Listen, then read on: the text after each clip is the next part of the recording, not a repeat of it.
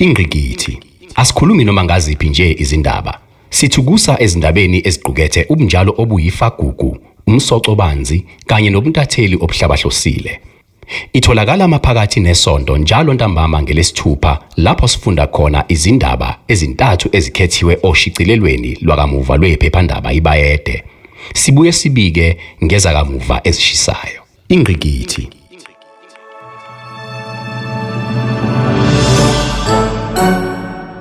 Ngiyabingelela. Namhlanje nekubalaleli kulomsakazo ngiyacabanga ukuthi mhlawumbe uyaqala ukulalela kodwa lapha sikhuluma kakhulukazi ngolimi lwabohlanga abazoluzwa kangcono. Sizama ngayo yonke indlela ukuthi sifake ngendlela umuntu azoyizwa ngayo ngolimi lwakhe. Okhulumayo la namhlanje na ulindani kwakwadlomo Maya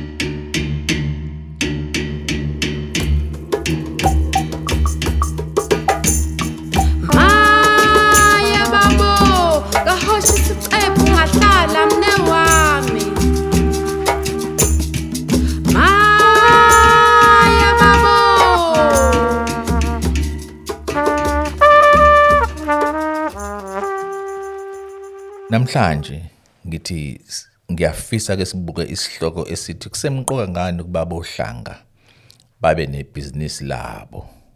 Mhlambe mangabe ngiqhamuka nalesi sihloko abantu nje bazocabanga ukuthi ibhizinisi kanti linabo yini ubuhlanga.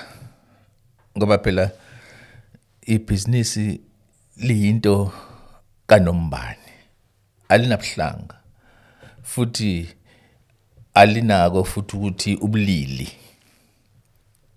Uma ngabe ngisho kanjena ngifuna ucace ukuthi ziningi izinto ezenzekayo ngaphambi kokuthi abantu bakwazi ukuba sebhizinisini ekufuneka siyiqikekele siyibone futhi ukuthi zenzekile yini kwabohlanga noma yiziphi izinto ezenze bangakwazi ukuhlangana uma bengahlangene bakwazi ukuhlangana uma behlangene.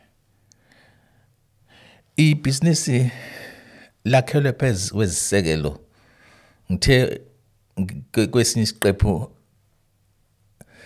isekelo sokwethembana.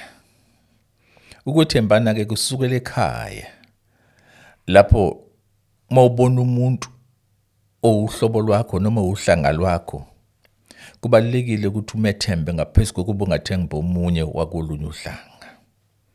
Kufanele futhi umthande ngaphezulu kokuba ungathanda omunye umuntu wakolunye uhlanga ngoba lowo muntu ukwazi wena futhi uwena ngendlela akhe ke ngayo. Uma ngikhuluma ngalento ngikhuluma ngokwethemba umuntu ngoba ukhule naye.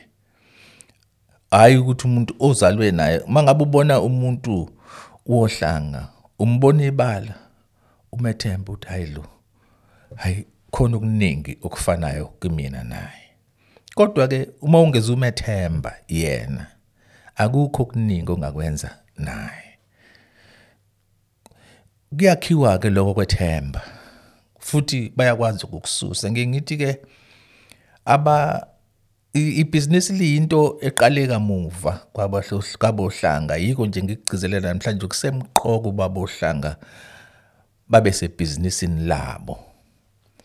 Ngoba oqale oqhamuke nebhizinisi liqhamuke laba yinto yasentshonalanga ibhizinisi kwabohlanga. Abohlanga bebazi ukuthi siyaphana siyasiselana kube mnandi nje akho mali eshintshe izandla ehluka isukuye ngapha iye ngapha. Uma nginako ngiyakunikeza nawe uma unako unginikeze. Lokho bekuyinto eyenzeka ngaphandle kokuphoqwa.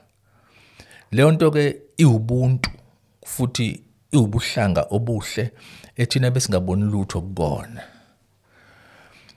Lapho uma nenkomo uyakwazi ukumnikeza omunye ongenazo asenge aphile. Leyo nto ihambe ibanga elide kwabohlanga bagcina behlezi ideqe bazi ukuthi yonke into bayakwazi ukuyithola omunye komunye.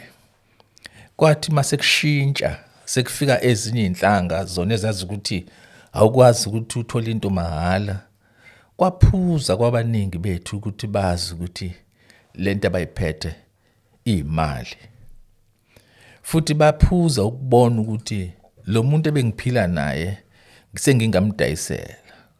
Nabantu bohlanga abaningi bagcina bazi ukuthi ngeke ngiyithenge into yomuntu uncona ngiyiphe kwakhona lokho ukuthi hayi kulungile ngiyavuma ukuthi ngizoyithenga kwiphuma limi ngizoyithenga kumlungu ngoba umlungu vele uyayidayisa kodwa angilindele ukuyithenga kumu- kumuntu wohlanga.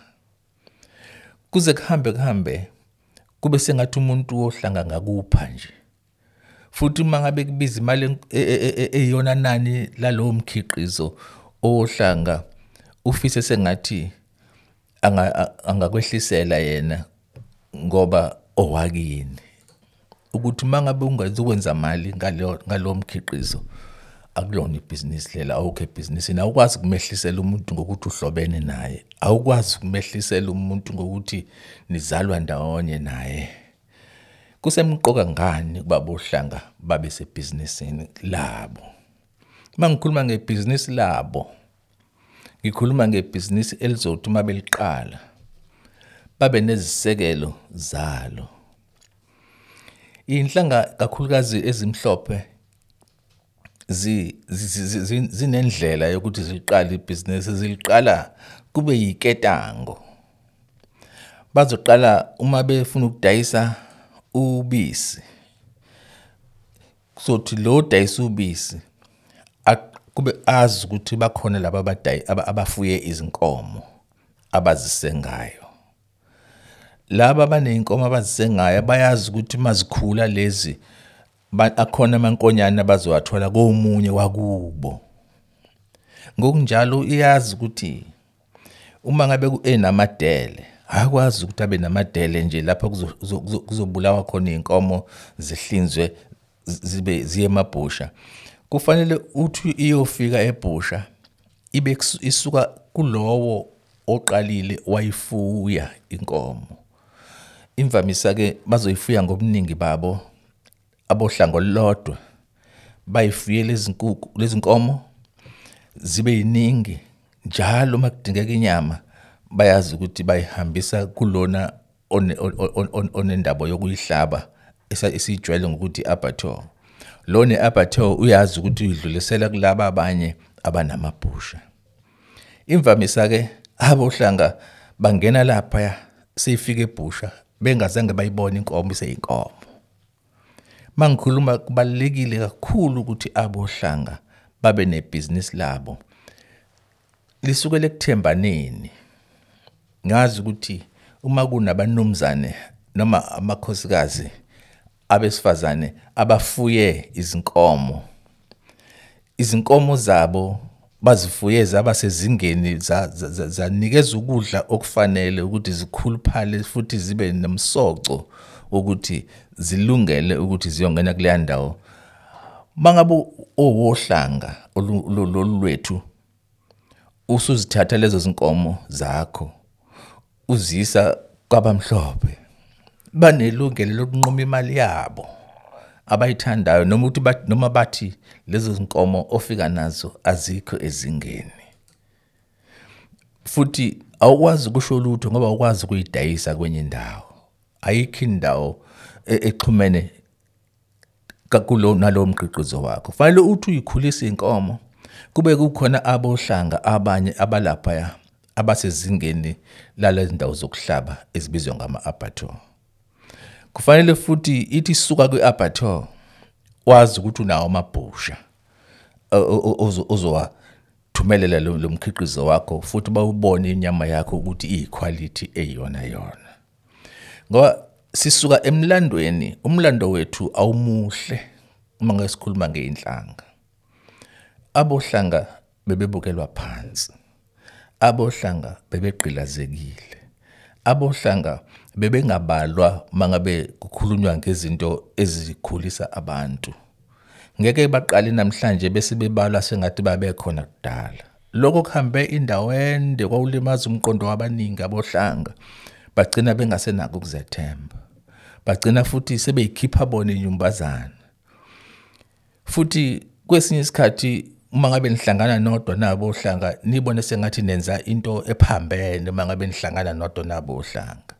Kodwa uma kuhlangana abezinye inhlanga behlangana besebenzisana abasendiya behlangana bodwa benza umsebenzi wabo abamhlophe bahlangane bodwa kwenzeke ubone ukuthi kuyenzeka kodwa kungenzeki uma kuhlangana bohlanga yiloko ke engikhuluma ngako manje kusemqoka ukuba abohlanga babe nebhizinisi labo.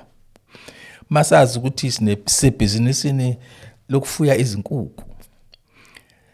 Fanele sazi ukuthi sikhule kangangokuthi laba abafuya izinkukhu bayazi ukuthi mase ihlatshiwe ziyakuphi. Azisiku noma zingaya kule imboni nama supermarket abezinye inhlanga kodwa kufanele ukuthi sazi ukuthi sinawo awethu asezingeni futhi elilingene.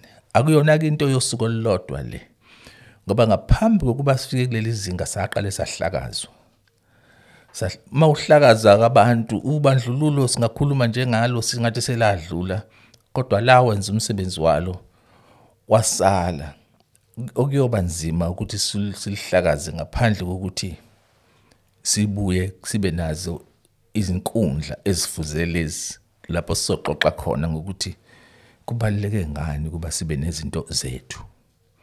Ezizothi mazivalwa lezi ezinye. Sikwazi ukuqhubeka sisebenze. Esizokuthi masivinjelwa kulezi ezinye sinqunyelwa ogodweni kulezi ezinye sibe sinazo nezethu esizothi sigabe ngazo. Kubalekile ukuthi abohlanga bahlangane. Kubalekile ukuthi abohlanga babumbane babe nazo inhlelo ezizokwazi ukubasiza empilweni yabo. Mhlawumbe ke uma ungilalele njengamanje uyacabanga ukuthi uyaphila. Ubuke imikhiqizo edayiswa ezitolo imikhiqizo edayiswa ezitolo mincane kakhulu eqhamuka ezitolo zabohlanga. Eqhamuka kubakhiqizi bohlanga. Fanele uma umkhiqizi noma ngabe utshalile emasimini ube nayo indawo ozoyisa kuyona. Futhi ezokwazi ukukuhlonipha ngo- ngomkhiqizo wakho ingakuhloniphi ngokuthi waliphi ibala. Noma waliphi uhlanga. Uma sewuwenza lo mkhiqizo wakho asiwakhele phezu kwesisekelo sokuthi imikhiqizo yethu izokwazi ukuba equality futhi ihlonishwe ikwazi ukwethenjwa noma ngabe seyilaphaya. Into mangikhuluma ngebhizinisi kufanele babe sibe nebhizinisi lethu elizokwakhelwa phezu kwesisekelo somnotho.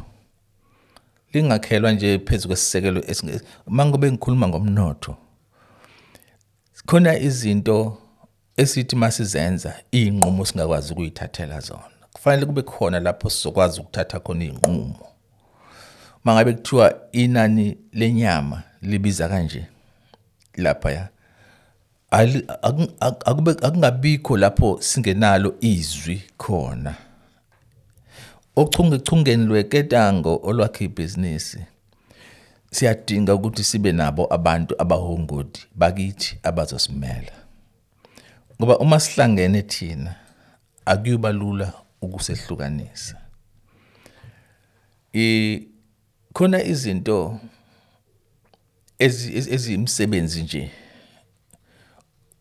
lapho singena khona thina ngokusebenza.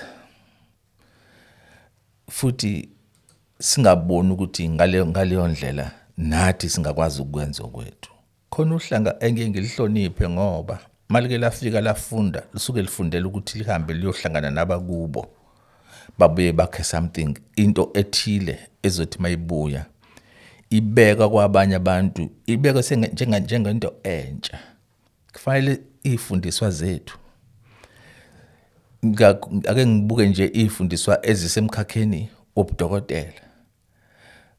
Ukufunda mase sikuhlanganisa no- no- no- nomsebenzi webhizinisi uthi usufundile bese ukwazi nikwazi ukuhlangana nenza inhlangano ethile ezokuma. Kodwa ikwazi futhi ukukhulisa nina ngoba niyakhula uma ngabe nihlangene. Kusemqoka ukuthi emboni e- e- e- embonini leyo nikuyona. Uma ngabe nisemkhakheni no- nokucwaninga amabhuku we-accounting nibe nihlangene nikwazi ukusebenza njengebhizinisi.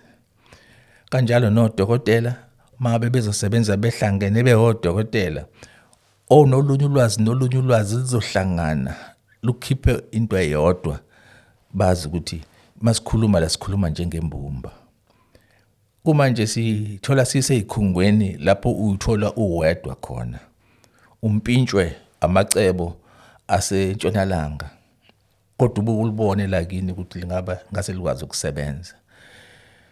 Kuya kubalulekile ukuthi sibe nazi indlela zokubumbana. Noma ubona usomabhizinisi wakini enza umsebenzi ofana nowakho akangabi umuntu ozomesaba kodwa kube umuntu eningahlanganisa iy'nhlelo. Kuqala bezikhona iy'nhlangano zomabhizinisi abohlanga ebezibahlanganisa kusukela komncane kuya kom- komkhulu.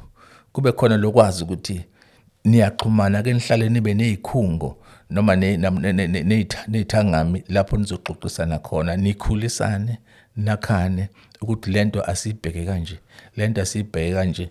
Ukuhlangana kungamandla nokusebenza futhi ngokwazi kuyakhulisana ba- abantu bayakhulisana uma besebenza behlangene. Ngizobuye ngande kulesi ngoba inkinga enkulu yomnotho ongakhelwe ekuhlanganeni. Ungakhelwe futhi phezu kwabantu ukuthi bazethembe. Lowo mnotho usuke ungekho nebhizinisi elakhelwe lapho lisuke lingakhiwe esisekelweni esiphelele. Ngiyacabanga ukuthi uma ulalele namhlanje ibucabanga.